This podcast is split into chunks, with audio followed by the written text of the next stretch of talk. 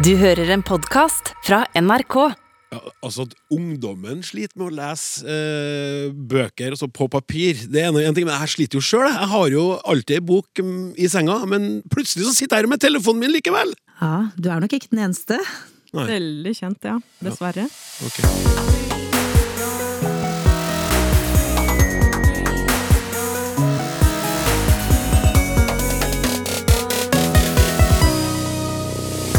Leseferdighetene til norske ungdommer blir stadig dårligere, og den oppvoksende generasjons utstrakte skjermbruk kan være noe av årsaken.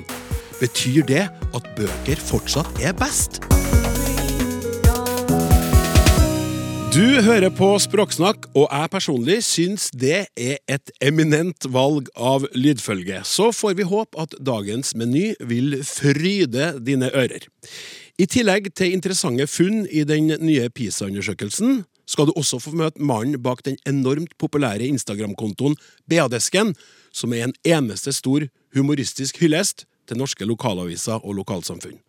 Ken André Ottesen vet veldig mye om hvor viktig det er at ordene settes på riktig plass. En lytter undres over måten vi bruker misunnelse på, og vi kommer den i møte, mens mange lyttere har sendt oss innspill og kommentarer etter innslaget om tungespissblotting før jul. Der traff vi tydeligvis en nerve, så med tunga rett i munnen skal vi forsøke å følge opp den saken i dag, men først så må vi snakke om ungdommen. Leseferdighetene til norske ungdommer blir dårligere. Det viser den internasjonale PISA-undersøkelsen, der 15-åringer blir målt på ferdighetene sine i lesing, naturfag og matematikk. Dette er en generasjon som stort sett sitter klistra til en skjerm, stor eller liten. Kan det være noe av problemet? Ane Mangen, du er professor ved Nasjonalt senter for leseopplæring og leseforsking ved Universitetet i Stavanger, og har forska på lesing blant unge. Hvordan ser vi at leseferdighetene blant norske ungdommer går nedover? Det som var spesielt tydelig nå med denne PISA-undersøkelsen fra 2018, var at særlig det som går på langlesing og fritidslesing, har gått ned. De eh, elevene rapporterer jo eh, hvor ofte de leser ulike typer tekster eh, på ulike medier. Eh, og så sier de noe om eh, hva slags tekster, eh, særlig med hensyn til lengde, de leser på skolen. Uh, og medievaner ellers. Sosiale medier, e-post, uh, sånne ting. I uh, nesten alle land, og også i Norge, så var det en tydelig trend med sterk nedgang i hvor mye de leser på fritida, eller om de oppgir at de leser bøker på fritida, lengre tekster, romaner, fortellinger. I tillegg så var det veldig tydelig at de norske elevene leser veldig få, eller de, I veldig sjelden grad så leser de tekster som er lenger enn 100 sider på skolen. Så det er tydelig at det skjer noe med særlig den lesinga av lengre tekster, og det er synd, for, fordi vi veit fra så mye av leseforskning over veldig lang tid at det er den typen lesing som er så viktig for å fremme ikke bare leseferdigheter, leseforståelse og mer kritisk tenkning, men faktisk også sosioemosjonelle ferdigheter som, som, empati og perspektivtaking, og det å, å, klare å leve seg inn i og forstå andre mennesker eh, ja, vi, i sosiale vi, sammenhenger. Mm. Ja, vi skal, vi skal, komme tilbake til det. Eh, eh, det er veldig viktig.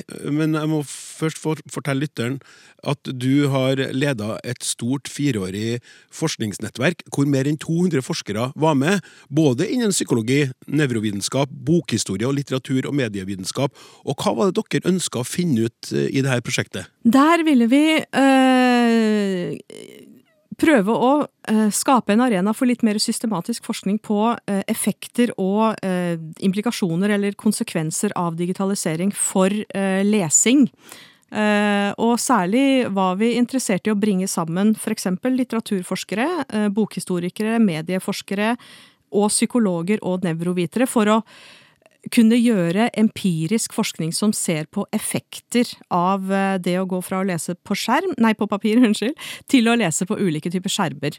Ja. Så, så vi eh, Og så har vi oppsummert da mye av den forskninga som ble gjort eh, i denne såkalte Stavanger-deklarasjonen for lesingas framtid, som jo har blitt en del referert. Og jeg syns vi har klart å litt sånn sette på agendaen hvilke viktige eh, Altså litt sånn bredt, eh, bredt anlagt. Hvordan virker digitalisering inn på lesing? Hva slags type lesing er det som ser ut til å bli eh, mest eh, påvirka av, eh, av digitalisering, og på hvilken måte. Og da viser det seg jo at det er denne lesinga av sammenhengende tekster, altså lineære tekster som skal leses fra en begynnelse og til en slutt, gjerne om de går over litt flere sider, så er det der den overgangen fra papiret som substrat, pleier vi å, å snakke om, altså som eh, som eh, det som teksten vises på, da. Og til skjerm, at det er der særlig det er noe som slår inn, som virker negativt inn på leseforståelse, f.eks.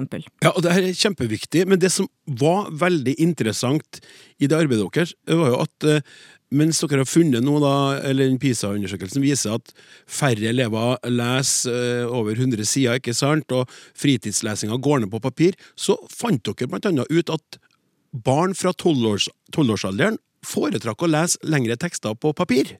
Ja, og det er også forskning som eh, ikke bare er gjort innafor eRead-nettverket. Eh, Og vi har faktisk nå akkurat avslutta datainnsamlinga til en studie som er gjort eh, med skoleelever fra sjette til tolvte trinn, hvor vi er interessert i både hva de foretrekker å lese på, og hva de er vant til. Altså litt, mer, litt lesevaner, men også hvilket medium foretrekker de å lese på. Og det er eh, Bildet er eh, på mange måter det samme som det tidligere studier har funnet, selv med yngre lesere, som, som jo ofte omtales som en sånn digitalt innfødte generasjon. Det er stor eh, overvekt av de som foretrekker å lese på papir, særlig hvis tekstene blir litt lengre. Hvorfor?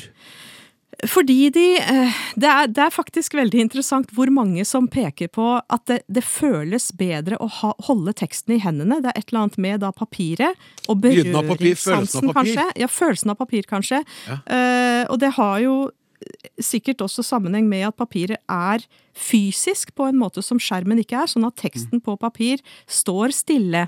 Det er lettere å navigere fram og tilbake, bla fram og tilbake. Det er lettere å ha en sånn oversikt.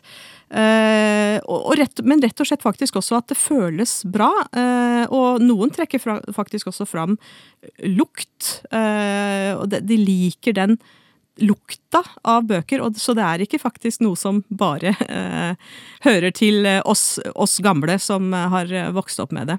Nei, men, men ble dere overraska over det her? Kanskje at det, at det faktisk fortsatt eh, synes å være så viktig, særlig dette med berøring. Eh, berøringssansen, og det at de liker følelsen av å holde boka i hendene. Eh, at, det, at det ikke bare har en sånn Jo, det, det, det hjelper meg å konsentrere meg, det, gjør det lettere å fokusere, jeg blir ikke så sliten i øya, sånne ting. Men at det faktisk også føles godt, og det syns jo jeg er spesielt interessant, fordi uh, lesing uh, det, sier noe om at lesing ikke bare er denne mentale, psykologiske, intellektuelle fortolknings- og meningsprosessen, men at det faktisk også er en dypt kroppslig eh, prosess. Som, som nå det begynner å eh, kanskje bli tydeligere for oss nå, i og med at vi plutselig nå skal bruke hender og fingre for eksempel, på helt andre måter enn det vi har vært vant til med bare boka da, før. Men Hvilke andre fordeler er det med å lese på papir? Du har nevnt mange nå da, som de trekker fram. Det er jo dette med, med at de, de syns de konsentrerer seg bedre på papir.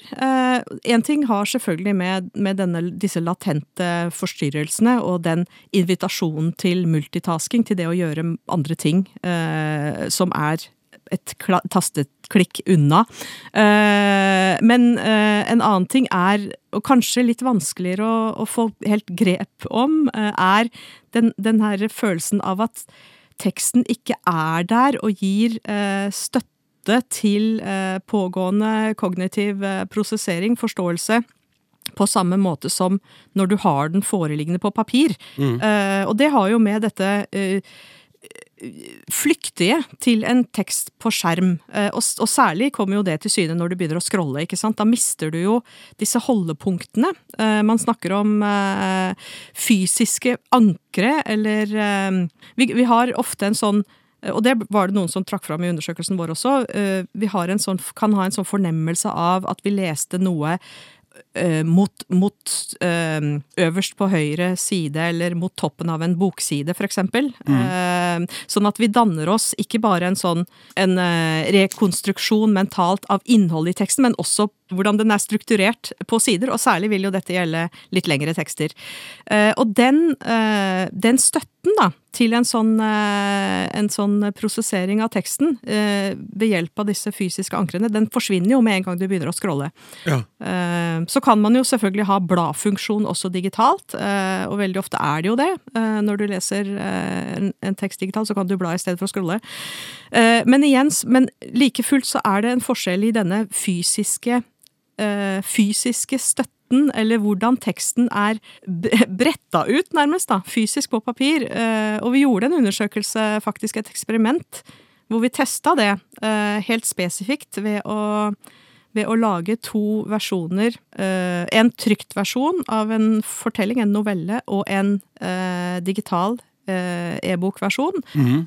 Og da var novellen 28 sider lang, og det er jo veldig en veldig lang tekst i en eksperimentell setting, eh, hvor vi prøvde å kontrollere for, eh, for en del ting. Og så, var, så hadde vi da to grupper deltakere i dette eksperimentet, hvor den ene gruppa leste denne novellen. Det var en sånn mystery uh, av Elizabeth George. Uh, mystery-novelle, så den var en autentisk uh, novelle. Mm. Den ene gruppa leste den på en Kindle. Uh, lesebrett? Ja, lesebrett, ja.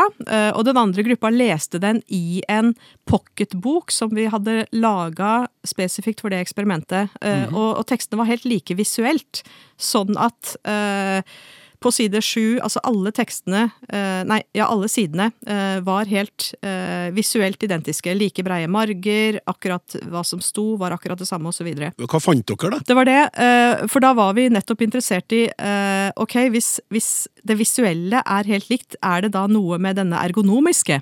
Eh, dimensjonen med lesing. Altså dette eksempel med det taktile, da, taktil feedback, eller det at du har en annen tilgang til teksten.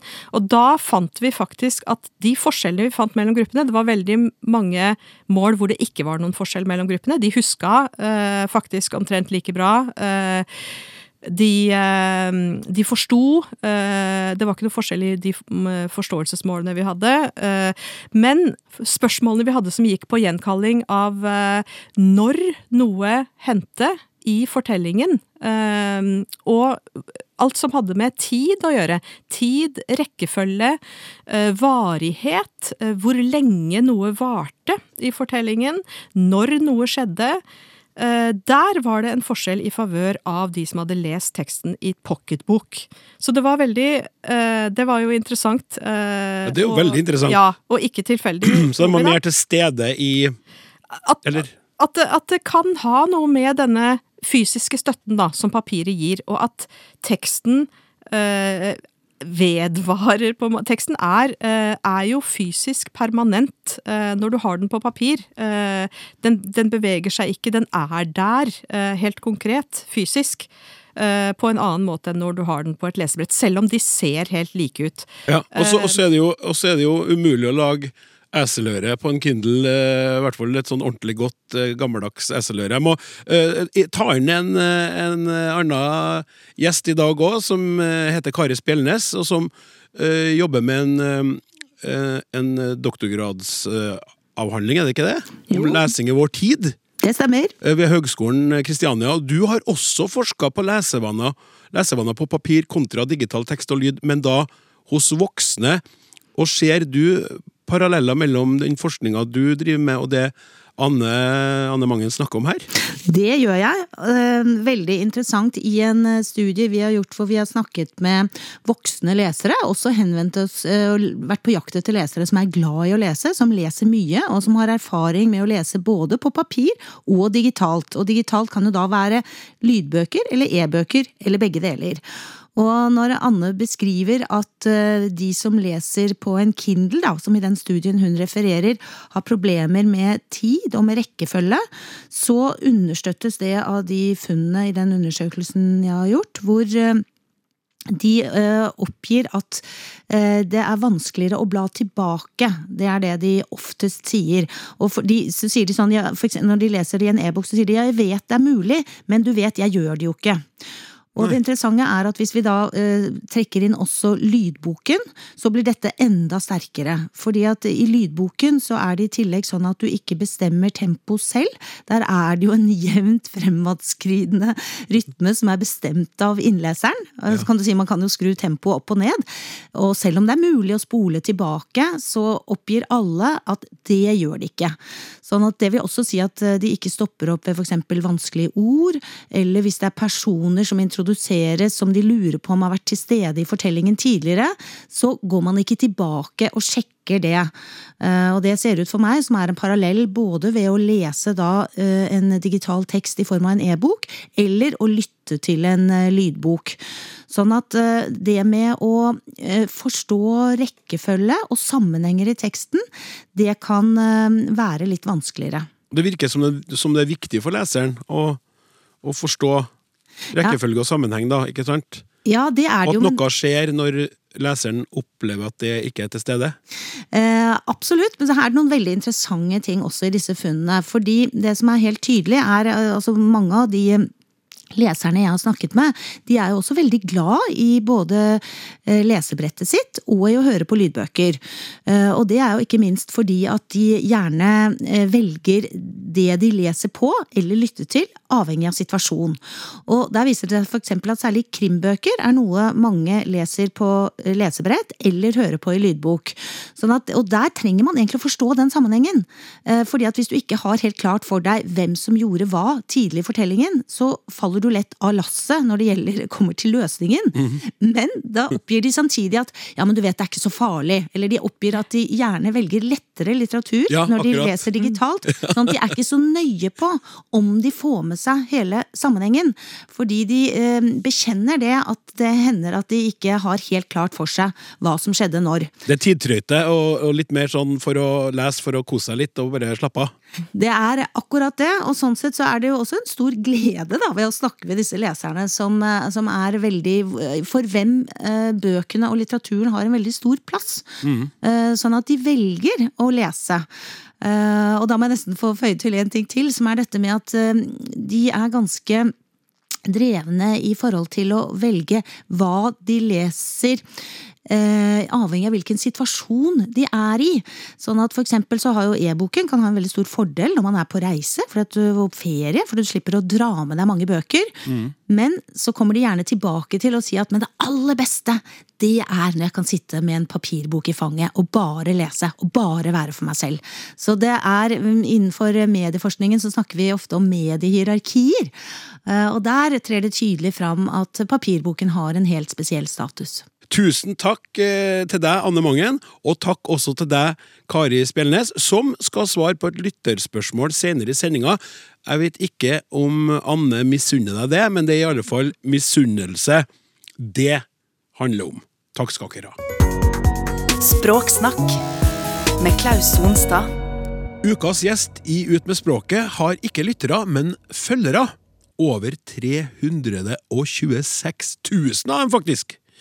I kommentarfeltet til Instagram-kontoen BA-desken kan det ofte gå ei kule varmt, men mannen bak det hele er alltid til stede for å roe gemyttene og få tilbake den gode stemninga.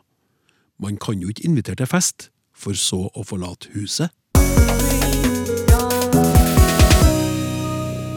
Avisjournalist, vaktsjef og SoMe-guru Ken André Ottesen, velkommen til oss. Tusen takk, det var voldsomt eh, introduksjon. Ja, og altså, Når jeg snakker nå om eh, sosiale medier, da, og, eh, så er det sånn at nå er vi på P2, og vi er i programmet Språksnakk, så nå må du nesten begynne med, å, med egne ord forklare hva BA-desken-kontoen på Instagram egentlig er for noe. Ja, um det er jo en konto der jeg legger ut fine, rare og morsomme saker fra landets lokalaviser hver eneste dag.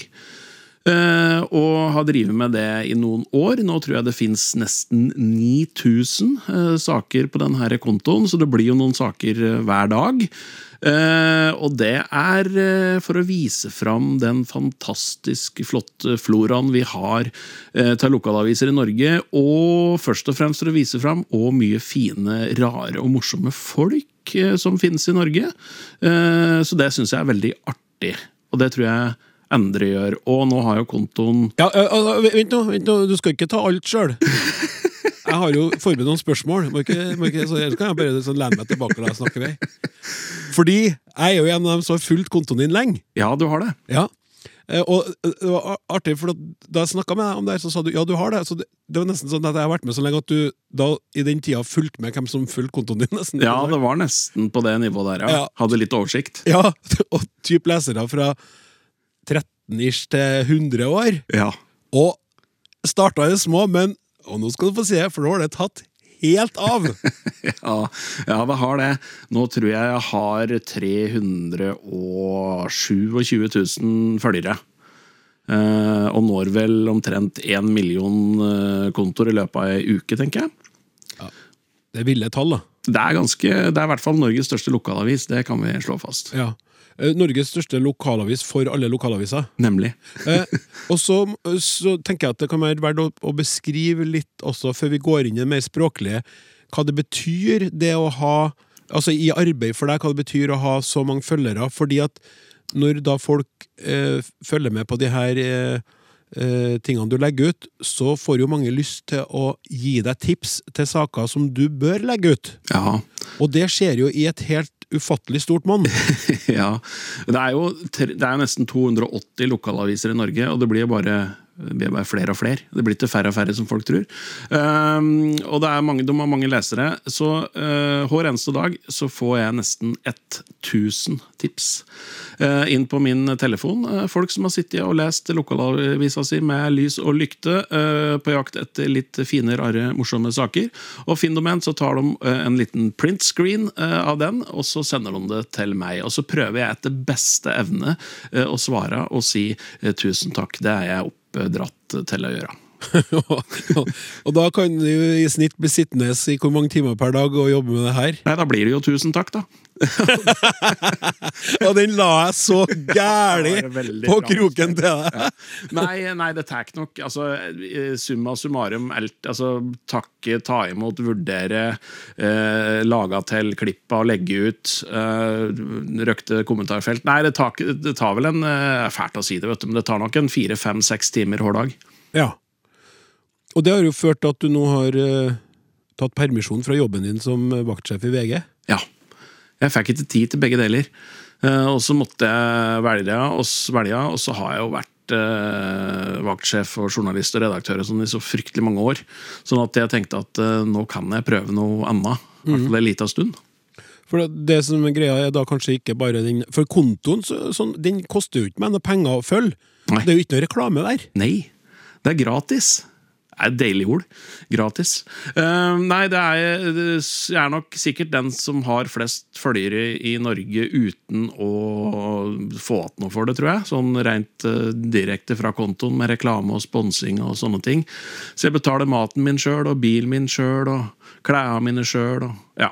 uh, og reiser sjøl. Men, men Indirekte så tjener jeg penger på det. Jeg skriver jo bøker som er på en måte basert på kontoen, og jeg står veldig mye på scenen. Eh, og underholder folk, både gjennom eh, ja, show på kvelden, uh, turneer, eh, events. Uh, og det er både gjort digitalt og fysisk. Det har vært mye digitalt nå i både 2020 og 2021, og det blir det helt sikkert i 2022 òg. Eh, og så når når, når du sier bøker, så tenker folk da kanskje at du bare har lagt ut de her klippene fra, fra lokalavisene som du har fått tilsendt, men da er jo poenget at uh, vi som følger kontoen, vet jo at du har sånne små tekst uh, altså det, det følges alltid med noe tekst, helt kort eller lengre. Og det er nå når vi har språksnakk her, da, og vi er inne i stolpen eller spalten ut med språket, for det syns jeg er interessant, for der jobber jo du. Du tilfører din egen stemme til de her klippene med å skrive på forskjellige måter rundt det. Ja, jeg syns jo det er litt viktig, da. Hvis ikke så, hvis ikke så tar jeg ikke egentlig bare noen endre sitt åndsverk og bare publiserer det, på en måte. Mm. da blir jeg jo bare en slags kopimaskin. Eh, så så jeg, jeg, jeg prøver å tilføre noe. Eh, noe skal jo på en måte er jo bare meint å få folk til å glise. Det aller meste er jo det. Det skal jo være en, en humorkonto. Men jeg, jeg syns liksom humor blir så fattigslig hvis det ikke er noe alvor i bånn. Eh, så eh, den røde tråden, tror jeg det er riktig å si, i BD-esken er nok en slags hyllest og en påminnelse om at vi bor i verdens beste land. Ja, for det ene du gjør, er at du har sånn pakistanske tilstander. Eh, Uh, altså, du kan fortelle sjøl, og så kommer du med en sånn, til slutt et sånt poeng med norske tilstander. Nei, altså jeg, I Norge så har vi jo nesten bare ilandsproblemer, og det er eh, greit, det. Det er lov å ha et ilandsproblem og klage på det. Og, og ja, det er de problemene vi har, altså de må vi på en måte ta på alvor òg. men det er klart at det blir litt sånn eh, det blir litt stusslig sammenligna med andre forhold ute i verden. Altså, da har jeg en sånn, ofte en post der jeg hvis det er noen som har klaga på at det var eh, litt dårlig brøyta, eller at det var litt mye ledninger oppi telefonmasta eller den der strømmasta, eller at det så litt rart ut, eller Så viser jeg hvordan det faktisk er i eh, andre plasser i verden, eh, sånn at vi får litt perspektiv på det. Så perspektiv er litt sånn, og litt sånn underliggende rød tråd på BD-esken. Ja, så vi, vi, vi sveiper, da, som det jo heter på moderne. Ja. Så ser vi da først et, et bilde på en faktisk begredelig situasjon, og kanskje et bilde til og et bilde til, og så kommer vi til den her forferdelige telefonstolpeledningsfloka som Ja, og, opprører det, folk og, og der er det mye språkbruk som jeg reagerer med på. da Eh, Både det som folk blir sitert på, og det som, eh, som avisa klarer å trykke ut av seg sjøl. Jeg mener at det, hvis eh, Jeg har et eksempel på mm, fra Telemarksavisa. altså Hvis eh, de hadde en sak på noen som klagde på at kjerkeklokken hadde ringt en time en søndag her, og sa at det var rein tortur. Eh, og da vil jeg nok påstå at det fins ting som er uh, rein tortur, og det er ikke å høre kjerkeklokker eh, ringe en time. Altså. Det er liksom ingen som kommer og drar ut negla dine, eller putter deg nedi et badekar med vann til du nesten drukner. og sånn. Jeg tror det er ganske mange folk i verden som hadde eh, gjort ganske mye for å høre kjerkeklokker ringe en time. altså. Ja. Godt poeng. Ja. Si litt om hvordan du jobber med, med språket når du skal være så kortfatta. For du, du, vi skal jo komme innom litt eh, den her eh, bakgrunnen din som journalist, mangeårig journalist, der du har lært deg å, å jobbe med språket og få det så kortfatta og presis som mulig, blant annet. Men sånn, her, når vi, når vi skal følge kontoen din, så, så er det jo Du er til stede med språk, og du jobber veldig med, med setningene dine. Ja, og det er jo helt bevisst. Og, og, og det er nok eh, Det kommer jo av min bakgrunn som journalist i mange år. Og, og jeg veit jo at uh, Altså, det er ikke noe vanskelig å skrive langt, vet du. Uh, alle kan skrive langt. Det vanskelige er å skrive kort. Uh, kort og presist mm. er liksom den store, vanskelige greia. Så jeg prøver å være så kort og presis som mulig. Um, både fordi at jeg syns det, det er mer effektivt, og fordi at jeg vet at skriver du langt, så hopper folk eh, av, rett og slett. Altså, eller målinger. Altså etter at internettet eh, kom, eh, så kunne vi jo begynne å måle veldig nøyaktig hva folk leste, og hvor lenge de leste, og hvor langt de leste, og sånn. Og, og det er jo altså mer enn 90 er jo vekke når du kommer ned til slutten i en artikkel. Sånn at eh, folk leser, har veldig liten eh, tålmodighet mm. når de leser ting. Så jo kortere, jo bedre. Og så syns jeg det er veldig moro, eh, det er nesten en hobby, å sitte og flikke og vri på en setning, flytte noen ord, bytte ut noen ord, leke litt med tegnsetting. Eh, ja, det, jeg, jeg syns det er moro. Jeg skal komme tilbake til for du har også vært eh, tekstforfatter for annet Nytt på Nytt. Eh, men nå innom Altså, du gikk rett fra videregående skole og til Oppland Arbeiderblad. Ja, min lokalavis. Autodidakt journalist. ja, som veldig mange andre, da. Ja. Eh, nei, foreldrene mine hadde nok håp om eh, legefrakk eller advokatkappe eller noe sånt noe, men eh, Men uh, Det ble Totencaps istedenfor. det ble vart Totencaps. Nei, jeg hadde veldig lyst da, jeg hadde veldig lyst til å være til å bli journalist. Og så var eh, en kompis til faren min var eh, sportsredaktør i VG. Tom Løkken het han. Mm. Og da jeg var 13 eller 14 år, så kom, kom han på besøk hjemme til oss, og så hadde han med seg et sånn brettspill som het VG-spillet. Og, da, og det gikk ut på at du, du starta med ei helt tom VG-førsteside, og så skulle du kaste terning og flytte deg rundt i landet og finne rare saker, faktisk. Og så bygge opp ei førsteside eh, ut ifra det. Er det sant? Ja, det er helt sant. Så det er litt, litt rart at jeg Ja, det sitter med samme jobben nå. bokstavelig talt litt rart, ja. Ja, så da var du faktisk vaktsjef i VG da, i det spillet. Ja. Eh, og så tror jeg nok det er sånn eh, en eller annen plass i hugget mitt, så sa det vel bare sånn knepp, og så bestemte jeg meg for at jeg skulle dette skulle jeg gjøre på ekte en gang. ja. Og det via noen omveier så endte jeg jo der. Ja, og så gikk du fra Oppland Arbeiderblad og til eh, BA, som, er da, som det da spilles på i BA-desken, Bergensavisen. Bergensavisen, ja. Ja, og det må du fortelle om, eh, for det, da dro du til Bergen, og Bergen er jo et eget land i Norge.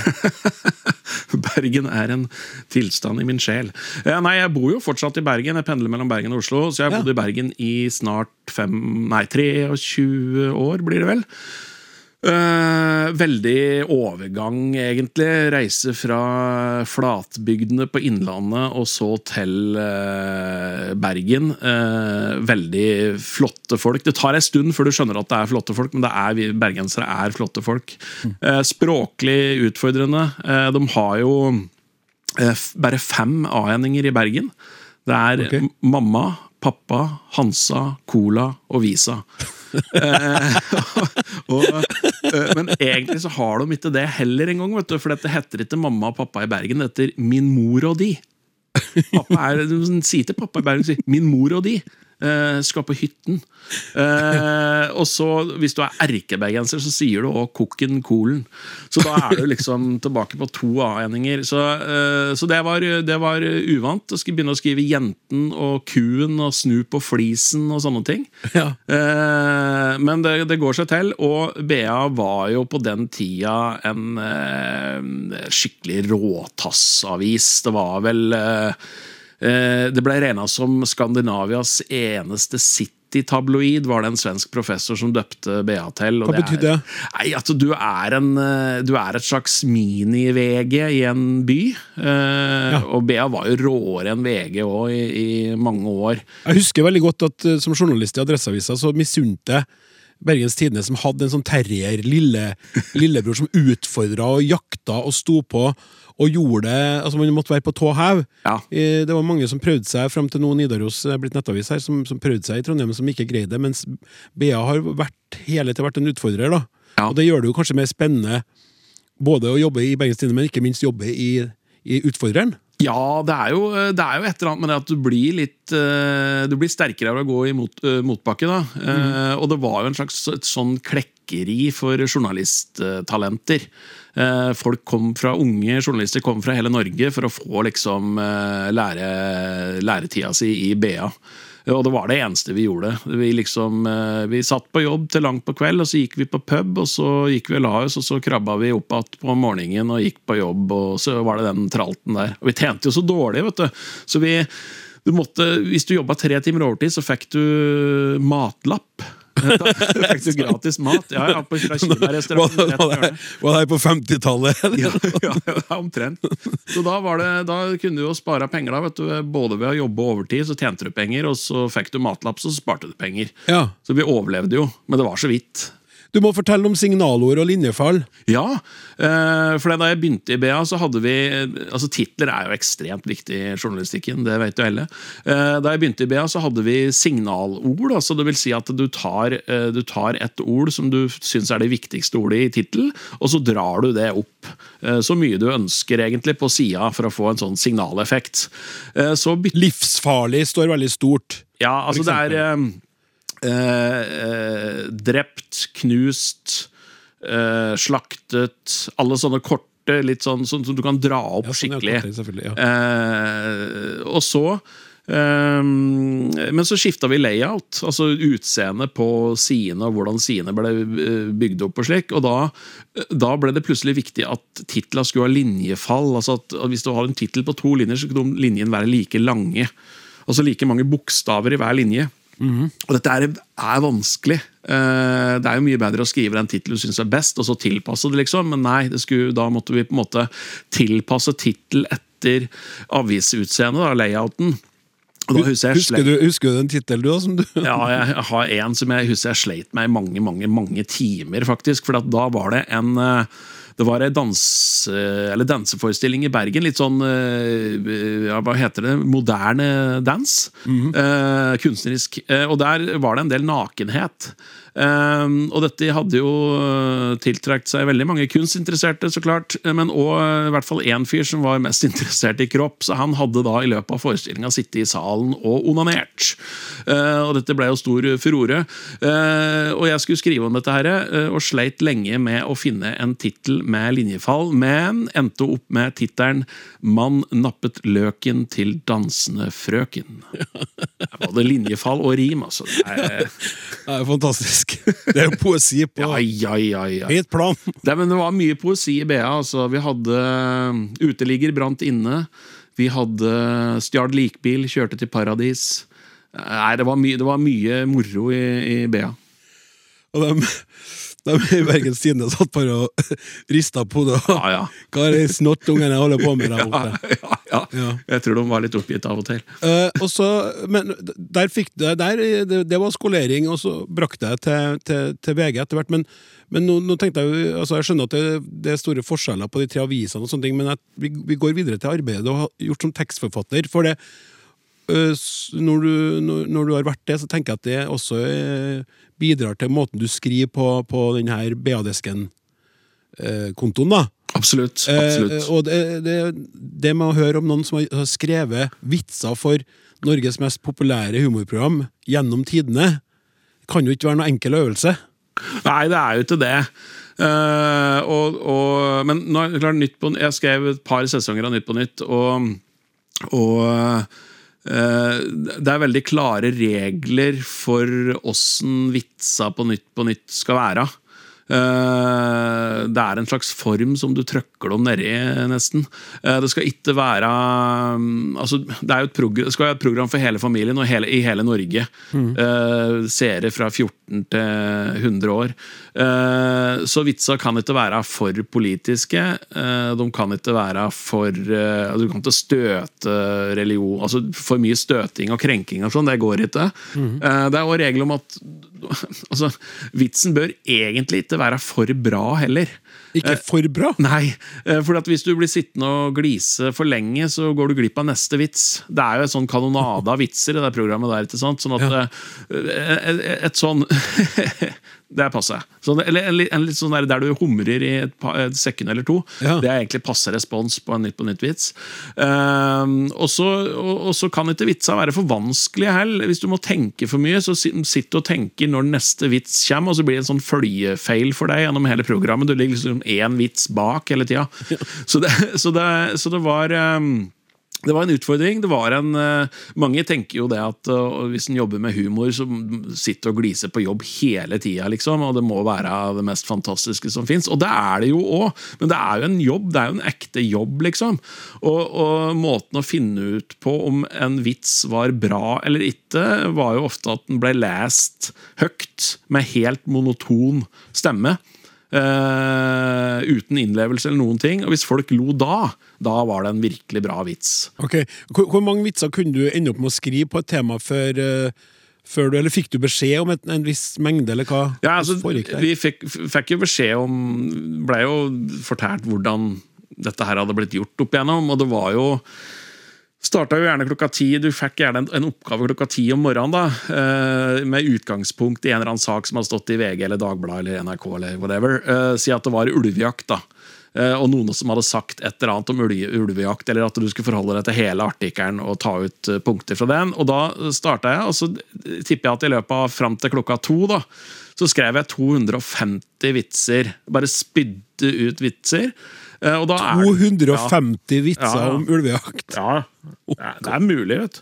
Det, det er jo bare å, men, det er, men da, det er klart at i starten så skriver du jo bare drit. Altså Da er det, er det bare fryktelig dårlige vitser. Kanskje 200 dårlige vitser. da Fram til klokka er eh, halv ett, og så begynner det å løsne litt. Så begynner du å finne formen på det, og så skriver du kanskje 30 brukbare, og så skriver du 10 bra, og så skriver du 10 veldig bra vitser. da Og av de ti veldig bra vitsa, så er jo tre for kompliserte, og to er for artige.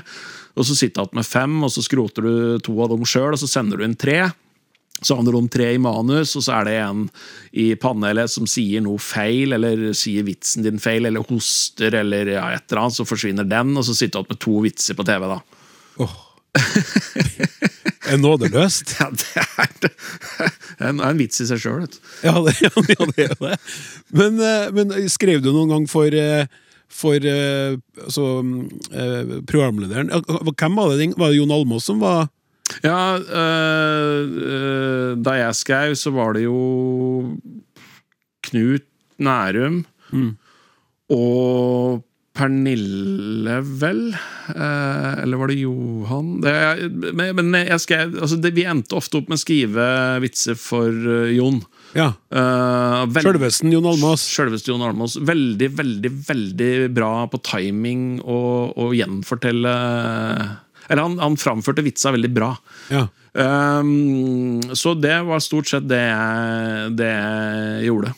Har du noe godt minne derfra? Har du, noe, en, du har jo en tittel fra BA som du husker, om du har ramma den inn eller ikke, men du har i hvert fall ramma den inn i hjertet ditt. Med den onanerende Ja, øh, danse, dan, det dansepublikummeren der. Men har du noe du husker fra Nytt på nytt-tida, der, der du tenkte at nå, det her fikk jeg til? Ja, eh, jeg, eh, det var jo ofte sånn at Jon skulle på en måte avslutte et tema, eller en, eh, når de satt og kasta vitser på hverandre, så skulle Jon liksom ha siste ordet.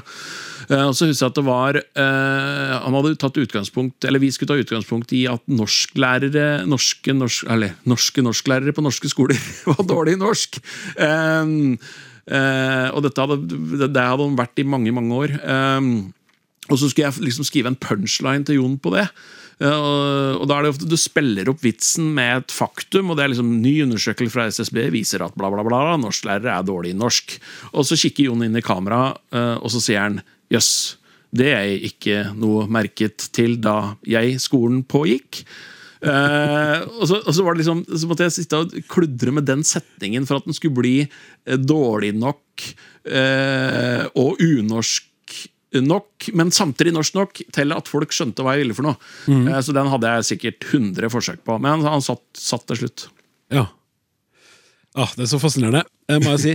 Eh, vi begynner å nærme oss eh, slutten. Ken André Ottesen, eh, som eh, nå har eh, sluppet taket i tryggheten i VG og begitt seg ut på egen hånd i verden, inspirert av 327 000 følgere som følger BA-desken-kontoen på Instagram. Helt kort før vi går til det siste faste spørsmålet, eneste faste spørsmålet, siste og faste spørsmålet. Ja. det er veldig mange som kommenterer eh, de her oppslagene eller de her bildene du legger ut. Og det koker litt i kommentarfeltet innimellom. Og der er du sjøl stadig til stede og roer ned gemyttene og ber folk om å oppføre seg og forklare hvorfor du har valgt å gjøre det sånn og sånn. Ja, øh, jeg jeg husker jo jeg når eh, Facebook ble lansert, eh, og det ble hylla som en, eh, en plattform der alle folk i hele verden endelig kunne møtes, diskutere ting og bli enige. Det var det som var poenget. De skulle bli enige om ting. Det er ikke en kjeft på Facebook som er enig om noen ting som helst 20 år etterpå.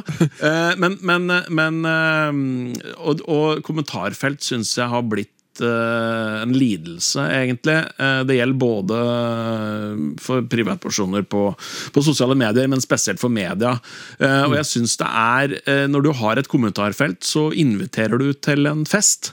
Eh, vær så god, kom inn, eh, si hva du vil. Eh, men da må du være deg sjøl. Du må passe på at folk ikke knuser inventaret ditt og drikker for mye og antaster noen. Eller, altså, Du må være sheriffen, da. Eh, som sier ifra at hør her, nå har du kommet inn i stua mi. Det er min stue, så hvis du eh, det første du gjør er å klage på gardina mine, så tar ikke jeg fram eh, kaffetår og småkaker. Altså. Da får du beskjed om å hute og pelle deg ut. Hvis du ikke klarer å oppføre deg. Så, så jeg, jeg er litt skuffa over norske medier, rett og slett. At de, at de, de skjønner at de, de vil ha kommentarfelt, for det gir mye klikk. Eh, Men da må de røkte det mye bedre. Altså Da må de være at det stæs og, og si ifra hva slags spilleregler som gjelder der. Hvis ikke så er det bare tull og tøys. Eh, Folk ligger i skyttergraver og Nei, det blir bare tull. Så Hva, hva som skjer når du, når du sier fra og er sheriff, da? Hva, hva, er din, hva er din opplevelse av reaksjonene til dem som utelukkende positiv eh, opplevelse med å være sheriff. Eh, Da de som troller og bare er der for å slenge drit, de eh, roer seg kraftig ned. Eller forsvinner. Mm. Og folk er fornøyd med at noen kommer inn og er litt overdommer. Ja. Ja, rett og slett. Ok, eh, nå har du snakka masse om eh, viktigheten av å få setninga til å gå opp i en høyere enhet og flytte på ord og sånt til alt blir perfekt. Helt ned til et enkelt ok. Det har ikke du snakka om, eh, det kan folk sjekke ut sjøl. Ja. Du bruker det en del av, men det rekker ikke vi nå. For nå, Ken André Ottesen, så skal du ut med språket. Hva er ditt favorittord? Dette har jeg tenkt mye på. Og jeg hadde noen, og så ombestemte jeg meg. Og så kom jeg på at ombestemme er mitt favorittord. Det er ikke det vakreste ordet i det norske språket, får vi si, eh, men det er et av de viktigste. Ombestemme. Altså at du, du, du har gjort noe som du finner ut at er feil. Du lærer av feilene dine, og så ombestemmer du deg. Hele livet er jo en endeløs rekke liksom ombestemmelser. Og det at vi liksom som folk da klarer å ombestemme oss Nå så vi før jul, så var det en hel haug med folk som ombestemte seg. De var egentlig, hadde egentlig ikke tenkt å ta vaksine. Hadde lest opp litt, fått noen råd, ombestemte seg eh, og tok eh, vaksine. Jeg syns ombestemme er veldig, eh, veldig fint og viktig. Jeg mener bestemt at det var et veldig fint favorittord. Tusen takk. Du, Lykke til videre med kontoen og ferden på egen hånd ut i verden. Tusen hjertelig takk. Hør flere episoder av Språksnakk i appen NRK Radio. På senhøsten i fjor, nærmere bestemt i slutten av november, så hadde vi et innslag om fenomenet tungespissblotting. Og den saken traff tydeligvis en nerve i lytterskaren, for du verden så mange e-poster vi fikk inn til snakk krøllalfa.nrk.no i etterkant av denne sendinga. Da måtte vi jo bare invitere språkforsker og fonetiker Olaf Husby tilbake til studio for å se litt mer på det her. Velkommen, Olaf. Takk, takk. Kan du først bare kort begynne med, for eventuelle nye lyttere, å forklare hva tungespissblotting egentlig er for noe?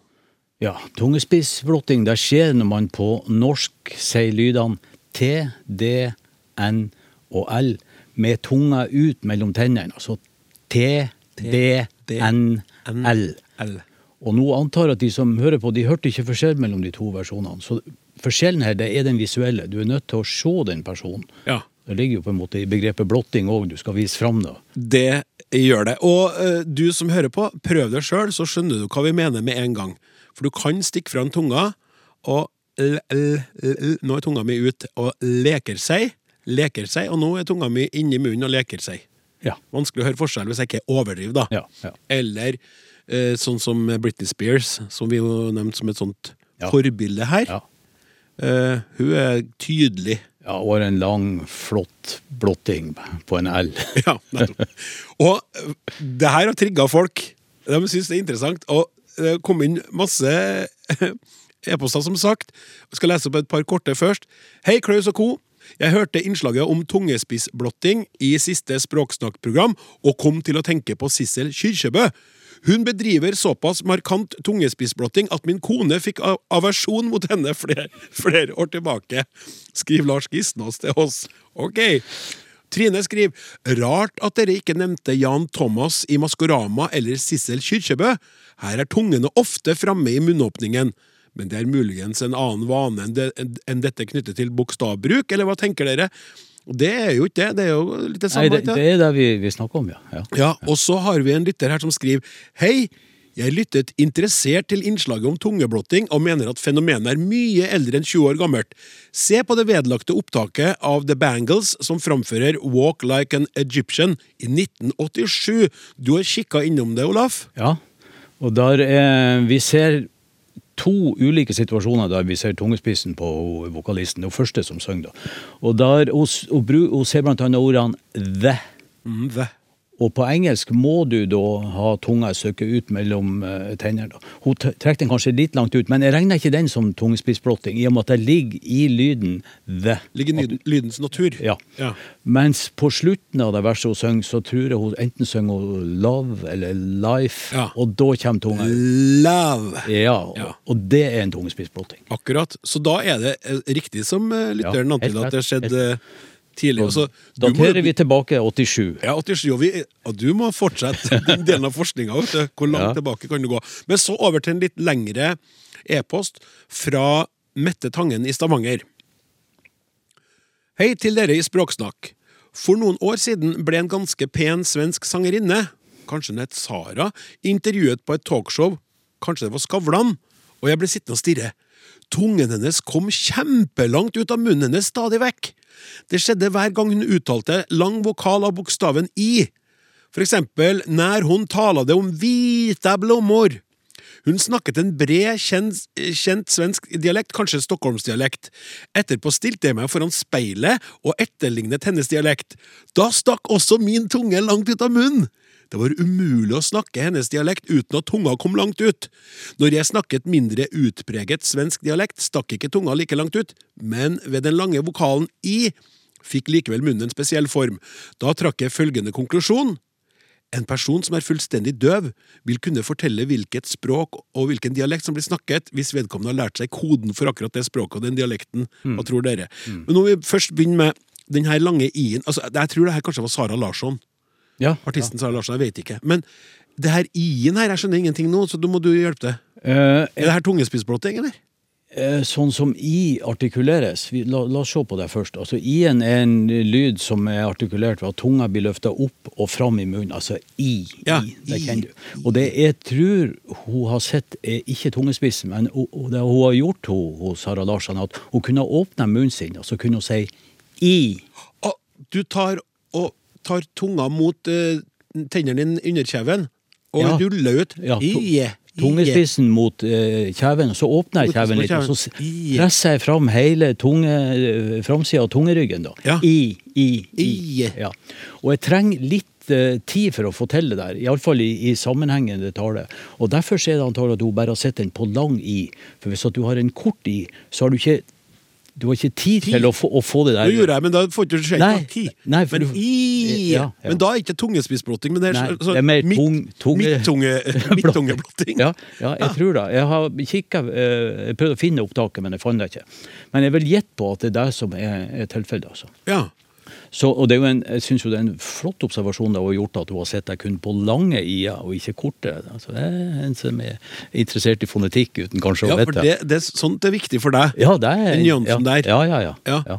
Uh, og, så, og så kommer det jo til et annet poeng her òg, med uh, en døv som vil kunne fortelle hvilket språk og hvilken dialekt. Men det er også interessant i seg sjøl at det må jo nesten vi- vie litt mer tid. Ja, øh, Til en annen gang. Stikkordet her er jo eh, så artikulasjonsbasis, eller man sier på engelsk òg articulatory settings. Og det tror jeg vi skal bruke litt tid på en annen gang. Altså. Ja, enig. Da går vi over til en annen eh, e-post som er sendt inn til snakk krøllalfa nrk.no, som ble da der lytteren ble inspirert av innslaget som du hadde sammen med Helene Uri. Hei, hei! Takk for et nytt språkprogram som stadig blir bedre. Jeg hørte på dere akkurat nå, og ble i fyr og flamme da dere omtalte fenomenet tungespissblotting. Jeg ante ikke at dette var et fremvoksende fenomen, jeg trodde det bare var en feil. For selvfølgelig har mine logo logopediske øyne observert denne måten å uttale dentalene på, og her er personen uttale dentalene på, har lagt merke til at en venninne av meg gjør det, og jeg har hele tiden tenkt at hun har en talefeil, selv om språklydene ikke har endret lydbildet. Men det er påfallende noen ganger når man kan se måten språklydene blir produsert på. Det er faktisk forstyrrende for kommunikasjonen, syns jeg. Ja, det er jo interessant. Det er jo en logoped ikke sant, som, Ja. som, da, eh, som du har sett, og det er jo Logoped! Ja. Logoped!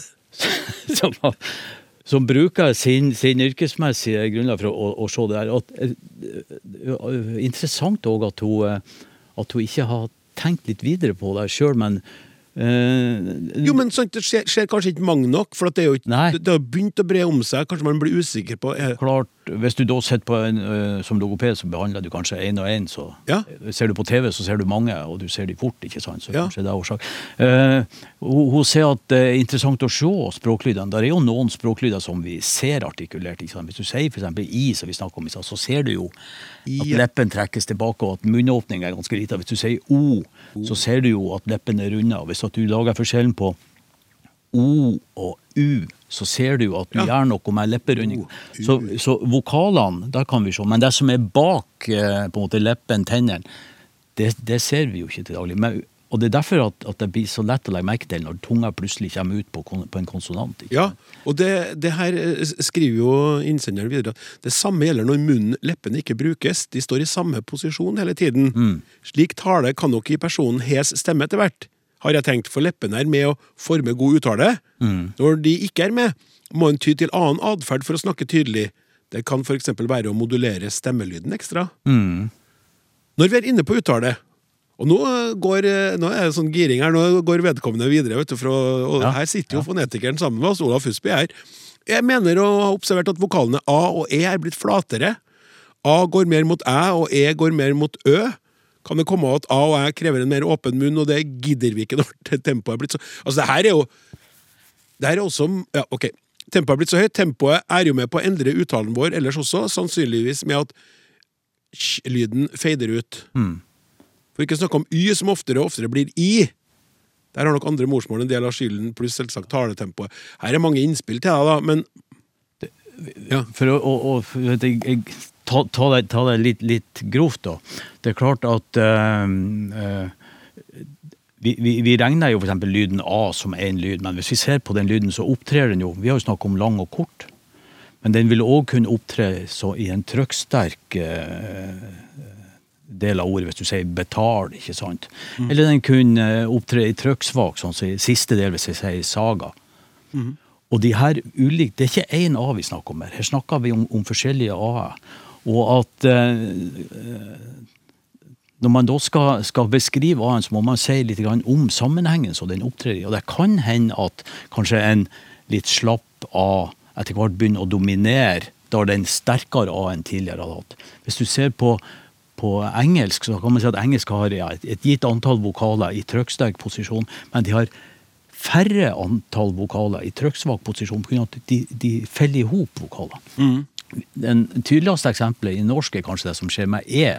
Hvis jeg sier Jeg, kan, jeg sier ikke eh, lese, men jeg vil jo si noe sånt som lese. Ja. Den siste E-en blir en sånn ø.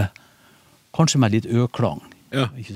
Og hvis jeg sier, ja, på norsk så vil jo jeg si saga, med to ganske like a-er.